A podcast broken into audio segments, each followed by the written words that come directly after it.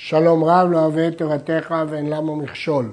הרמב"ם משנה תורה, ספר זרעים, הלכות תרומות, פרק 12. אסור לטמא את התרומה של ארץ ישראל כשאר הקודשים, ולא יביא אותה לידי טומאה, ולא יפסיד אותה, אלא אוכל הטהורה ומדליק הטמאה. כתוב בתורה אצל יולדת, בכל קודש לא תיגע. ומכאן למדנו שאסור לטמא את הקודשים ואסור לטמא את התרומה, אלא שיש הבדל בין נגיעה לבין אכילה. הנגיעה אסורה, אבל לא לוקה, אבל אכילה בטומאה לוקה. אז אסור לטמא תרומה, גם כהן שהתרומה שלו, אסור לו לטמא אותה וגם לא להביא אותה לידי טומאה, כפי שנראה בהלכות הבאות, לא לגרום שתיגרם לה טומאה. וגם צריך לשמור אותה. כלומר, כפי שכותב פה הרמב"ם, אסור להפסיד אותה. לא רק שאסור לטמא, צריך גם לשמור אותה. לומדים את זה מפסוק, משמרת תרומתה, צריך לשמור אותה. אלא אוכל הטהורה ומדליק הטמאה, כפי שלמדנו, אם התרומה טמאה הוא יכול להסיק תחת תבשילו או להדליק בה את הנר, ואם היא טהורה הוא חייב לאכול אותה, לא להשתמש בה לשימושים נמוכים מאכילה. ומותר לטמא תרומת חוץ על הארץ בטומאות של התורה, אף על פי שאינה טמאה אלא מארץ העמים, שהיא מדבריהם, מפני שעיקר חיובה מדבריהם. כלומר, טומאת חוץ על הארץ היא כולה מדי רבנן. גם בארץ בזמן הזה די רבנן, אבל בארץ עיקרה מהתורה, ואילו בחוץ לארץ כל הדין של תרומת חוץ לארץ, בעמון ומואב, מצרים, במקומות הסמוכים לארץ ישראל היא תקנת חכמים, אז הקלו בה. מה הקלו? שמותר לטמא טומאה של תורה, כי היא כבר טמאה. אמנם, מה היא כבר טמאה? בטומאת ארץ העמים, שזה טומאה קלה, טומאה רבנן, ואתה מטמא אותה תמורה חמורה שהיא טומאה של תורה, לא נורא. כיוון שעיקר הדין של תרומה בחוץ על הארץ היא מדרבנן, לא אסור בזה. לפיכך, נידע קוץ על החלה בחוץ על הארץ, שאינה מוזהרת אלא לאוכלה, לא ליגע בה כמו שביארנו. כלומר, לכן מותר לנידה לקחת חלה בחוץ לארץ, למרות שנידה זה טומאה יוצאת מגופה, ואסורה לאכול אפילו תרומת חוץ על הארץ, זה דין מיוחד באכילה. אמרנו שמי שטומאה יוצאת מגופו, אסור לאכול אפילו תרומת חוץ לארץ, אבל זה לא בנגיעה. בנגיעה לא אסור, ויכולה להפריש חלב, ויכול לאכול את זה כהן קטן שטומאה לא יוצאת מגופו, אפילו שהוא באמת. אבל אם טומאה לא יוצאת מגופו, מותר. נסכם. תרומת חוץ לארץ אין איסור לטמא אותה אפילו טומאה של תורה, ולכן הנידה יכולה לנגוע בה. זה שאסור למי שטומאה יוצאת מגופו לאכול, זה גזרה אחרת, ולכן נידה לא תוכל לאכול את החלה, אפילו שהיא כהנת. אבל להפריש אותה היא יכולה. לעומת זאת, כהן שטומאה לא יוצאת מגופו, יכול לאכול. תרומה שנטמאת בספק, לא אוכלים ולא שורפים. אם הטומאה היא רק בספק, כמו שתי חביות ברשות היחיד, ונגע שרץ באחד מהם, ואנחנו לא יודעים במה נגע, אחד מהם ודאי טהור, למרות שבדרך כלל ספק טומאה ברשות היחיד טמא, וספק טומאה ברשות הרבים טהור, אבל אם הוא נגע באחת משתי חביות, שוודאי אחת טמאה ואחת טהורה, על זה הכלל שזה נקרא ספק טומאה, הרי אז מה הדין? לא אוכלים כי היא ספק טמאה, ולא שורפים כי היא ספק טמאה, אולי טהורה, איך אתה שורף תרומה טהורה? אז מה עושים? תהיה מונחת. עד שתטמע תרומה ודאית, עד שתגיע ידי תרומה ודאית ותישרף.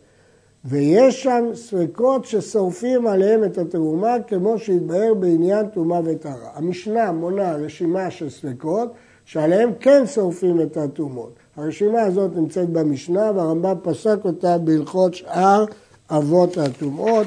הרשימה הזאת כוללת בית הפרס, שזה שדה שנחרש בקבר, עפר הבא מארץ העמים, בגדי עם הארץ, כלים הנמצאים, רוקים הנמצאים וכדומה, רשימה שכתובה במשנה, שעליהם כן שורפים את הטהרות. חבית של תרומה, שנולד לה ספק טומאה, הרי זה לא יחדש בדבר, לא יזיזנה ממקומה ולא יגלנה, אלא נכלנה עד שתטמע ודאי ותישרף, ואין חוששים שמטה אחר. יש שלוש דעות תנאים במשנה. האם חבית שנולד בספק טומאה אם הייתה מונחת במקום המוצנע יגלנה, או להפך, אם הייתה מונחת במקום הגלוי יצניענה, או לא יחדש בדבר. רמב"ם פוסק כדעה שלא יחדש בדבר, כיוון שיש בה ספק טומאה, אז הוא לא יכול לא לגלות אותה כדי לא לגרום להפסד, אולי היא טהורה, ולא להצניע אותה כי אולי היא טמאה, אלא יניח אותה עד שתטמא ודאי ותשרף. למרות שיש פה חשש שמישהו בינתיים יבוא לאכול אותה, אין חוששים שמא תאכל. לא חוששים כי אנשים פורשים מתרומה. חבית שנשברה בגת העליונה והתחתונה טמאה. יש, בימיהם היה גת שממנה יש נקב והיין יוצא לתוך בור. עכשיו הבור מלא יין ולמעלה נשברה חבית של תרומה והתחתונה טמאה. עכשיו יש לנו בעיה. מה הבעיה? הבעיה היא שאם הוא לא יציל, כלומר אם הוא לא יעצור את זרימת היין מן הגת העליונה לבור, הרי שכל התרומה הטמאה הזאת תיפול לתוך החולין, ואז מה יקרה? הוא לא יכול לאכול את זה בתור חולין, כי תרומה תיפול לתוכו, זה יהיה מדומה. הוא לא יכול לאכול את זה בתור תרומה, כי החולין טמאים.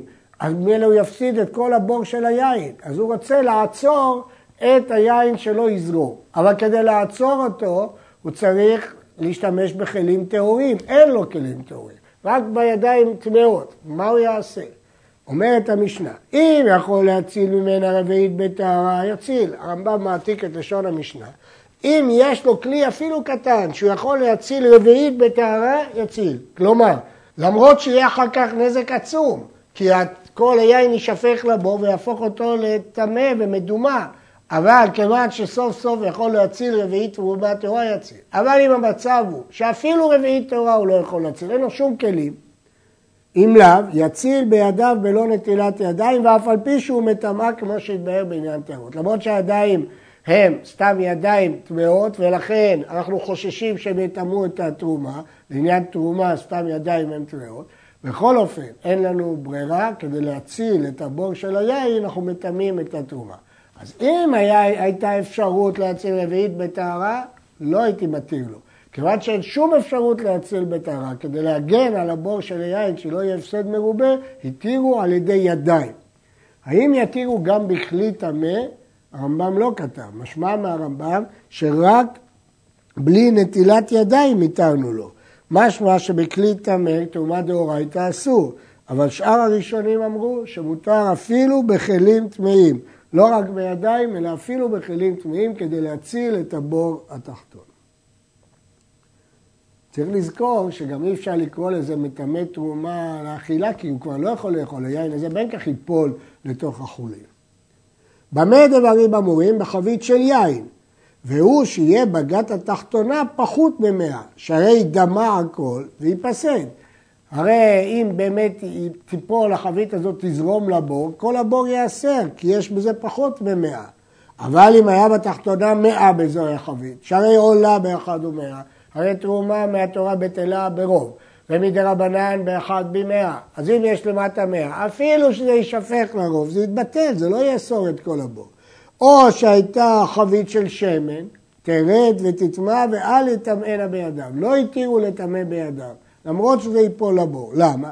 לגבי יין, כי היין יהיה מותר, יתבטל. באחד ומאה. לגבי השמן, שהרי הכל ראוי להדלקה ואין שם הפסד מרובה. נניח שזה ייפול לבור, הוא יכול להשתמש בזה להדלקה, למרות שזה יהיה חולין מעורב עם תרומה טמאה. מה יכול להיות? הוא ידליק את זה, אין בזה בעיה. וכן חבית שמן שנשפכה, אם יכול להציל רביעית בטהרה, יציל, ואם לאו, יציל בטומאה. שכיוון שנשברה החבית, אינו מוזר שלא להציל בטומאה, מפני שהוא ברור, הוא יפסיד את כל השמן שלו. אז התירו לו אפילו בידיים בלית ברירה. היה עובר ממקום למקום, וכיכרות של תרומה בידו. אמר לו הנוכרי, תן לי אחת מהן. ואם לאו, הרי אני נוגע בכולן ומטמאן. הוא מאיים עליו, שאם הוא לא ימסור לו אחת, הוא יטמא את כולן. יניח לפניו אחת על הסלע, אז למרות שהוא גורם פה להפסד תרומה, אבל אין לו ברירה, הוא רוצה להציל את כל השאר מהתרומה, כמו בשתי ההלכות הקודמות. ואל יתננה על תוך ידו, כדי שלא יטמא תרומה בידיים. לא בעצמו ימסור לנוכרי, אבל ישים על הסלע, יגיד לו תיקח. ולמרות שהוא גורם להפסד של הכיכר הזאת, אבל לפחות הוא מרוויח שהוא לא את שאר הכיכרות, בדיוק כמו שאמרנו בשתי ההלכות הקודמות. הטלטן והקרשינין של תרומה. הואיל ואינו מאכל אדם, טלטן וקרשינין הם לא מאכל אדם, הרי זה מותר לעשות כל מעשיהם בטומאה, אין איסור לטמא אותם. ואינו נזהר אלא בעת שריעתם במים. שאם שרה אותה בטומאה, הרי טימא אותה בידיים. הוא לא צריך להיזהר, אבל אסור לו לטמא אותה בידיים בשעת שריעה. למה אסור? הרי זה לא אוכל אדם, כי יבוא להתחלף בשאר קטניות ויחשבו שמותר לטמא תרומה. אבל אחר השריעה אינו נזהר, לא צריך להיזהר. לא בעת ששף הקרשינים משפשף אותם לנקות אותם, ולא בעת שמאכילם לבהמה.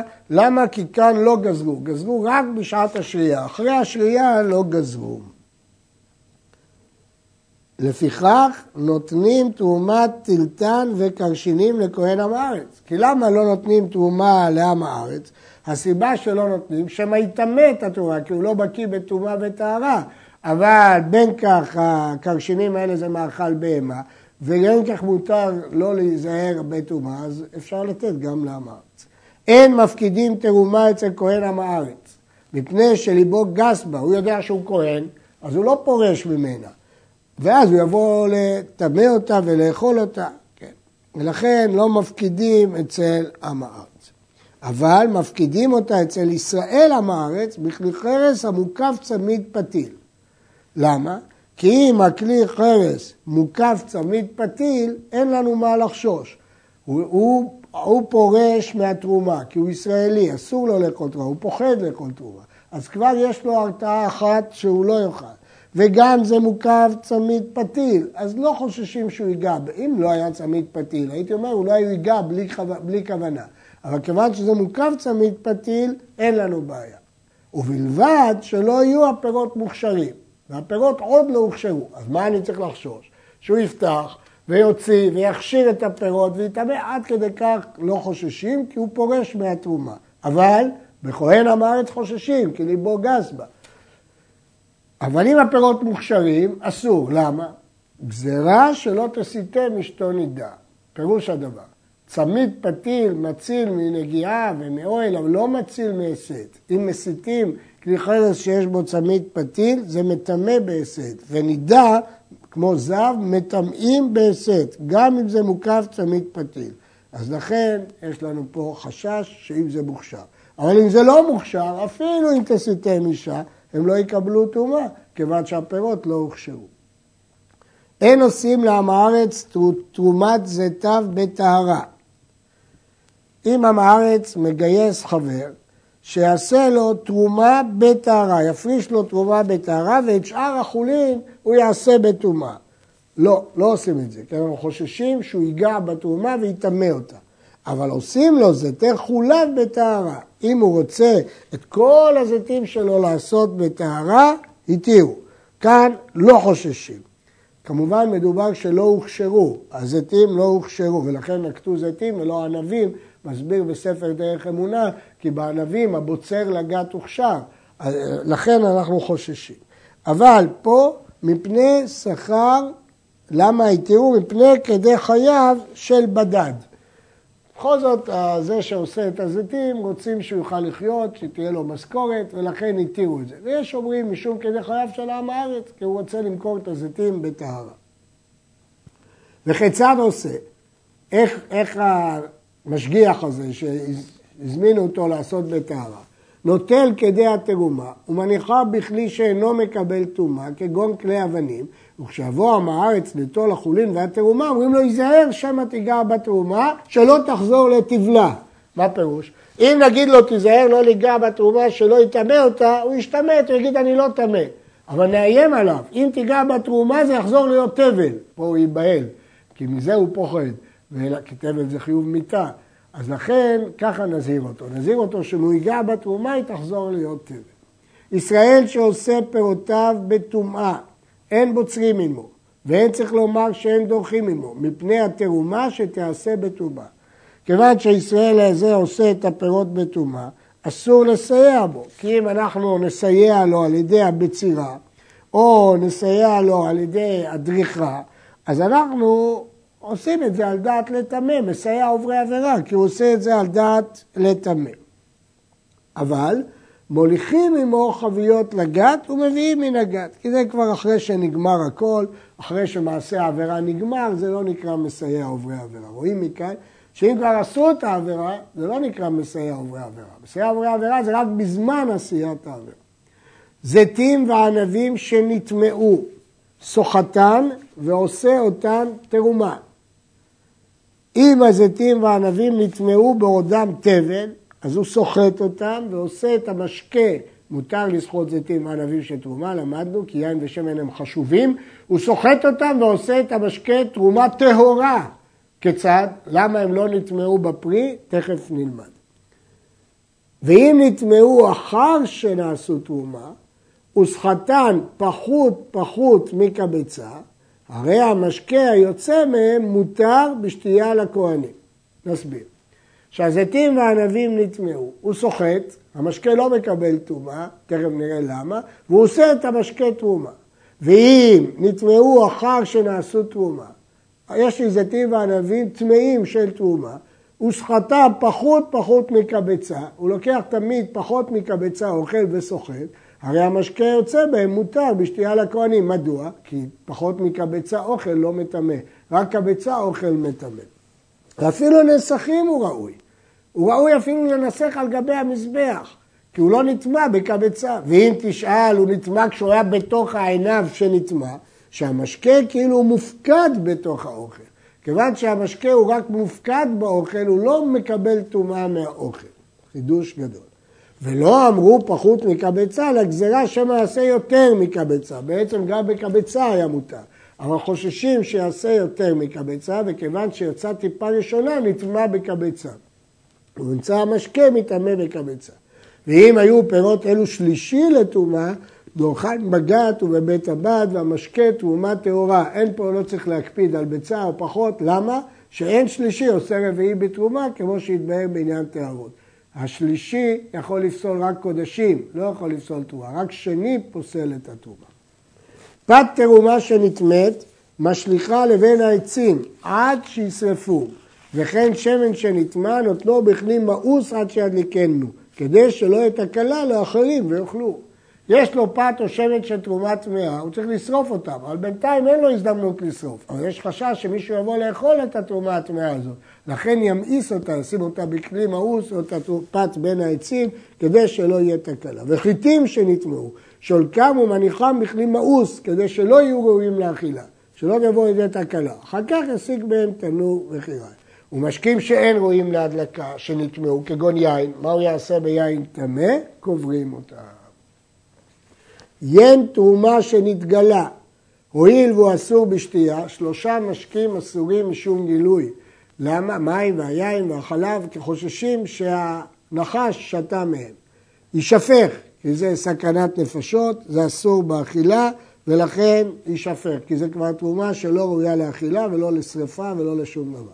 וכן תאנים וענבים וקישואים ודלויים ואבטיחים ומלפפונות של תרומה שנמצאו מנוכרות, הרי אלו אסורים באכילה מפני סכנת נפשות. ומה יעשה בהם? ישליך לים או ייקברו, כיוון שהם אסורים באכילה בשביל סכנת נפשות. עיסה שנילושה במים מגולים, אף על פי שהיא תרומה, הרי זאת תשרף מאותו טעם, כיוון שזה סכנת נפשות.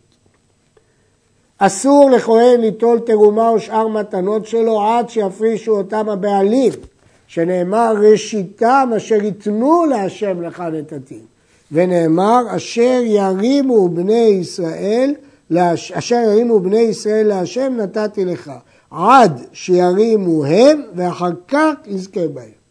אם הכהן יתפוס את התרומה לפני שהבעלים הפריש, הרי שהבעלים חייב מיתה אם הוא יאכל את זה. ואם הוא כהן תפס מוציאים מידו, כי צריך קודם כל הפרשה של התרומה. ולא ייטול אותם אחר שאומו אלא מדעת בעלים, אפילו שהבעלים כבר הפריש את התרומה, קודם דיברנו לפני שהפריש, אבל אפילו שהבעלים כבר הפריש, הכהן לא יכול לבוא ולקחת. שהרי אין לבעלים לתנן לכל כהן שירצו, טובת הנאה היא של הבעלים, הוא קובע למי לתת. שנאמר ואיש את קודשיו לא יהיו, ואם לקחת שלא מדעת הבעלים, זכה בהם, שאין לבעלים בהם אלא טובת הניה, וטובת הניה אינה ממון. כלומר, לכתחילה הוא לא יכול לקחת כי הבעלים קובע לאיזה כהן ייתן. אבל אם הוא לקח, אין תביעה ממונית נגדו, כי טובת הנאה היא לא ממון שאפשר לתבוע אותו. כהן שנתנו לו תרומה ומצא בה דברים אחרים, הרי אלו אסורים משום גזל, שמא האחרים מניחום שם עד שיתלו. בתוך התרומה הוא מצא כלים וחפצים וכדומה, אסורים משום גזל, הוא צריך להחזיר, לא נגיד שמן הסתם הוא נתן לו מתנה. להפך, מן הסתם כנראה בטעות התערבבה עם התרומה כלים של מישהו אחר. אין ישראל חייבים להיטפל בתרומה ולהביא אותה מן הגורן לעיר ומן המדבר ליישוב, אלא הכהנים יוצאים לגירעונות וישראל נותנים להם חלקם שם. ואם לא יצאו, הרי זה מפרישה ומניחה, ומניחה בגורן. ואם הייתה חיה ובהמה אוכלתה שם, ואינה משתמרת שם, התקינו חכמים שיטפל בה ויביאנה לעיר ויטול שכר הבאתה מכהן, שנפרישה והניחה לבהמה ולחיה, הרי זה חילול השם. כלומר, מעיקר הדין לא מוטל על הכהן הטורח לשכור פועלים ולהביא את התרומה לעיר. הוא צריך להפריש, הוא מניח בגורן, יבוא הכהן, יבקש, אני אתן לו. ואם לא באו כהנים, ויש שם חיות ובהמות, אז זה חילול השם, שככה יעשו את תרומה. ולכן החכמים תיקנו שאז הוא ייקח את זה, וכשימצא כהן ייתן לו, אבל יגיד לו, אני מוכן לתת לך אם תשלם לי את שכר הטרחה שהבאתי את זה מהעיר עד לפה, מהגורן עד לעיר, את הפועלים שעשו את זה. אסור לכהנים וללוויים לסייע בבית הגרנות כדי ליטול מתנותיהן. וכל המסייע חילל קודש השם ועליהם נאמר שחתם ברית הלוי. ואסור לישראל להניחם שיסייעו, אלא נותן להם חלקם בכבוד. נשים לב, האיסור הזה הוא גם על הכהנים והלוויים וגם על ישראל. מה הפירוש? הרי יש תחרות בין הכהנים, איזה כהן יזכה בתרומה, או בין הלוויים, איזה לוי יזכה במעשה, לפעמים זה ממון רב. ובכן יבוא לוי אחד או כהן אחד, יאמר לבעל הבית, תשמע, אני מוכן לעזור לך בקציר אם תיתן לי את התרומה. התורה אסרה את זה, זה חילול. למה? כי אחרת כל אחד יציע יותר ויותר ויותר, ובסוף יצא שהכהן והלוי לא קיבלו כמעט כלום, והתורה נתנה להם מתנה. לכן התורה אסרה גם לכהן וללוי לסייע מדין חילול לקודש, ואסור לישראל לדרוש ממנו לסייע. נתן תרומה לכהן על מנת להחזירה, יצא ידי נתינה, ואסור לעשות כן. מפני שנראה כמסייע בבית הגנות. להלכה אנחנו פוסקים שמתנה על מנת להחזיר שמה מתנה. ולכן הוא נותן לכהן על מנת שיחזיר לו, שמע מתנה. אבל לכתחילה אסור לעשות כן, כי זה נראה כמסייע בבית הגרנות. וכן אסור להם שיחטפו תרומות ומעשרות. ואפילו לשאול חלקם בפיהם אסור, אלא נוטלים בכבוד, שעל שולחן המקום הם אוכלים, ועל שולחנו הם שותים, ומתנות אלו להשמן, והוא ברוך הוא זיכה להם, שאמר ואני הנה נתתי לך את משמרת תרומותיי.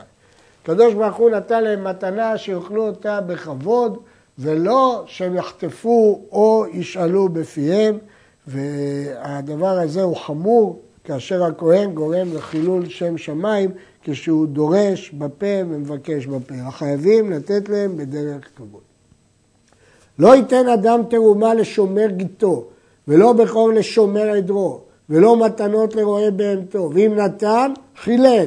אלא אם כן נתן להם שכר שמירתם תחילה. מדוע? כי הוא נותן לו, ואחר כך הוא ישלם לו פחות משכורת. יגיד, למה אתה רוצה משכורת מלאה? הרי נתתי לך בכור, נתתי לך תרומות, נת... זה כמסייע בבית הגנות. ורשאי ישראל לומר לישראל אחר, הלך סלע זו, ותן תרומה או בכור או שאר מתנות לפלוני הכהן בן ביתי או בן אחותי, וכל כיוצא בהם. במה דברים אמורים? שהיו הבעלים רוצים לתת אותם לאחד משני כהנים אלו, או משני לוויים אלו בחינם. אמר לו חברו, הלך ותן לזה. לבעלים יש שני כהנים, הוא מתלבט אם לתת לזה או לזה, בלי שאף אחד סייע. בא ישראל אחר ונותן לו מתנה על מנת שייתן לכהן אחד או לוי אחד, מותר. כי זה לא הכהן ולא הלוי נתנו מתנה. אבל בעלים שאמרו לכהן או ללוי, אלא חלק זה בטובת הנאה, הרי זה אסור. אתה תחזיר לי טובה, זה אסור. וכן אסור לעשות סחורה בתרומות. ההלכה היא שאסור לעשות סחורה בתרומות. דהיינו לכהן אסור לו לקנות ולמכור. למה? יש חשש שהוא ישהה את זה ויבוא לידי תקלה. שהוא ישכח שזה תרומה ולא יאכל את זה בקדושת תרומה. אף על פי שהוא לוקח מכהן הוא מוכר לכהן, אסור לעשות סחורה בתרומה. עשרה אין חולקים להם תרומה בבית הגרנות, אף על פי שאין אוכלים אותה או מאכילים אותה, אבל בצנעה, לא בבית הגנות, לא בפרהסיה, ואלו הם, החרש והשוטה והקטן שיש בו דעת לפרוס חלקו, מפני שאין באלו דעת. כיוון שאין בהם דעת, לא נותנים להם בפרהסיה, יש חשש שהם יטמאו את התרומה. והטומטום והאנדרוגינוס מפני שהם בריאה בפני עצמה, אנחנו לא יודעים אם זה זכר או נקבה, ולכן אנחנו לא יכולים לתת להם תרומה. זה, אז מה יש? הם בין זכר ובין נקבה יכולים לאכול תרומה. כיוון שזה יהיה זול בפני הבריות שנתנו תרומה בפרסום כזה לאנשים כאלה. והעבד, שהם יראו אותו עוברים בשדה ויעידו עליו שהוא כהן. הם לא ידעו שהוא קיבל בגלל האדון שלו, יחשבו שהוא קיבל בגלל עצמו. יעידו, ראינו מישהו נותן תרומה. והערל והטמא מפני שהם מאוסים, הערל והטמא, הם לא יכולים לאכול, אבל אולי הטמא יגיד אני אוכל כשאני אהיה טהור, או הערל יגיד אני אאכיל בזה את בניי או את עבדי, בכל זאת אסור לתת בפרהסיה, כי אנשים יגידו נתנו להם, והרמב"ם נימק מפני שהם מאוסים. והאישה, הרי מותר לה לאכול בגלל בעלה כהן, שמא תתגרש, ומפני הייחוד, שלא יסתובבו, תסתובב אישה בגורן. והנושא אישה שאינה הוגנת לו, כנסו אותו שלא יחלוק בבית הגרנות עד שיגרשנה, אבל נותנים לו בצנעה. וכולם משלחים להם לבתיהם בצנעה. וחולקים להם בשאר קודשי הגבול ומשלחים להם לבתיהם. חוץ מן הנושא אישה שאינה הוגנת והטמא והערל, שאין משלחים להם כלל, כי אנחנו רוצים ללחוץ עליהם, ש... לא יחיו עם אישה שאינה הוגנת, ולכן לאלו לא משלחים כלל. עד כאן.